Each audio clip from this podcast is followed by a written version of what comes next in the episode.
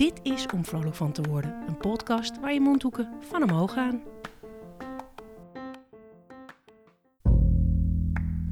Kan jij het weer voorspellen?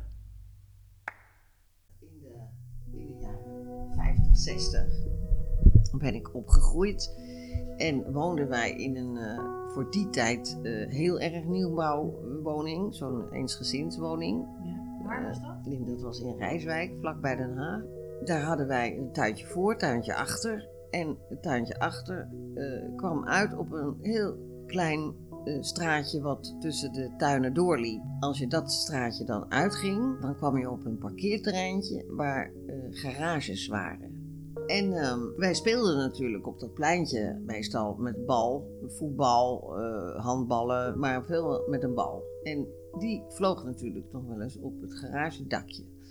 En dan, eh, een van ons klom dan op de garagedak en de bal eraf en klom vervolgens weer terug. Nou, dat, eh, het opklimmen naar, op, dat, eh, op die garagedak, dat was natuurlijk enorm verboden door mijn moeder, want het was heel gevaarlijk. En, en zeker voor een meisje van tien jaar. Dus, maar ja, er kwam natuurlijk een dag dat ik dat wel deed, bal op het dakje. En oh, nou ja, goed, dan, ik zou het er wel eventjes afhalen. Dus ik ga het dak op, pak bal, bal weer naar beneden gegooid. En dan was de gewoonte dat je aan eh, de garage ging hangen, van je dan naar beneden liet vallen. Nou, ik hing dus aan, aan het dakrandje van de garage en liet mij naar beneden vallen, maar was even vergeten dat tussen mij en de garage in was ook nog een regenpijp met enorm grote haken daaraan, waaraan die vast had. Dus bij het naar beneden vallen schampte mijn hand langs die schroeven van de regenpijp. Waardoor mijn hand open schaafde. En heel erg open, open schaafde. Want het was een hele grote open wond. En mijn broer was op dat moment ook op het pleintje. En ik had, voelde niks, want door de enorme grote wond waren de gevoelszenuwen meteen door. Dus je voelt er niks van. Maar ik zag mijn vriendjes en vriendinnetjes vol afgrijzen naar mijn hand wijzen.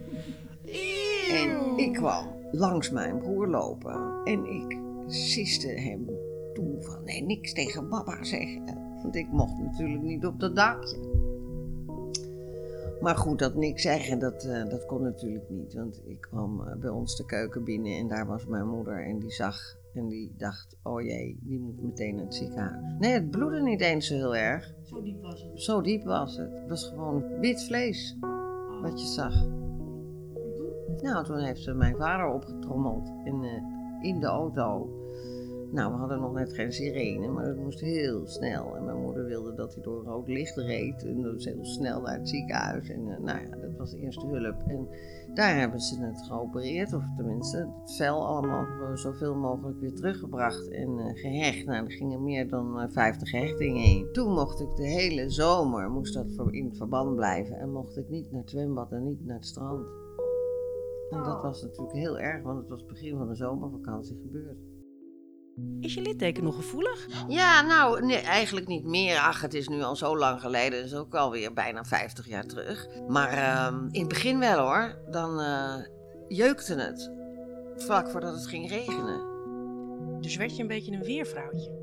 Ik was een weerhandvrouwtje.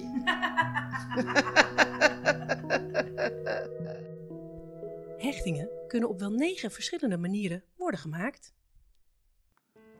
Vond je dit nu leuk? Abonneer je dan via Soundcloud of iTunes en laat een beoordeling of recensie voor me achter. Daar word ik nog veel vrolijker van.